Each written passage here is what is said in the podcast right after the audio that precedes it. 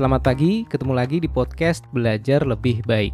Dengan saya Wahyu, teman ngopi Anda. Gak kerasa sudah 21 episode ya. Terima kasih untuk support teman-teman semua. Di podcast kali ini, mari kita coba merenung, refleksi tentang hal yang sangat mengemuka belakangan ini, yaitu konsumerisme. Ada sebuah quote bagus yang cukup menyindir dari seorang konsultan personal finance. Dia bilang, "We buy things we don't need with the money we don't have to impress people we don't like."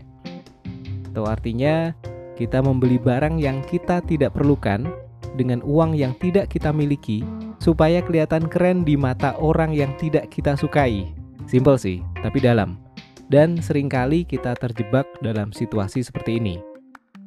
Gengsi alias pride, harga diri, eksistensi, martabat, pamor, prestise, apa pun disebutnya, kita merasa itu semua terkait dengan kepemilikan atas sesuatu. Efeknya, kita ingin jadi pemilik handphone yang paling canggih, mobil dengan model paling baru, gadget yang paling keren, baju yang perlente, sepatu yang paling mahal, dan seterusnya.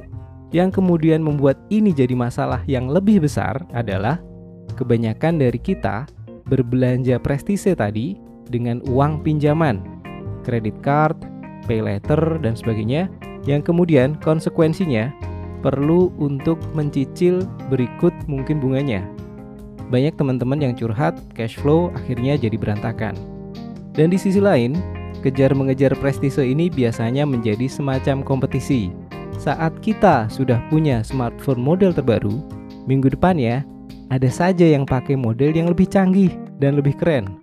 Seminggu setelah itu, ada orang lain lagi yang ngalahin, modelnya lebih baru lagi.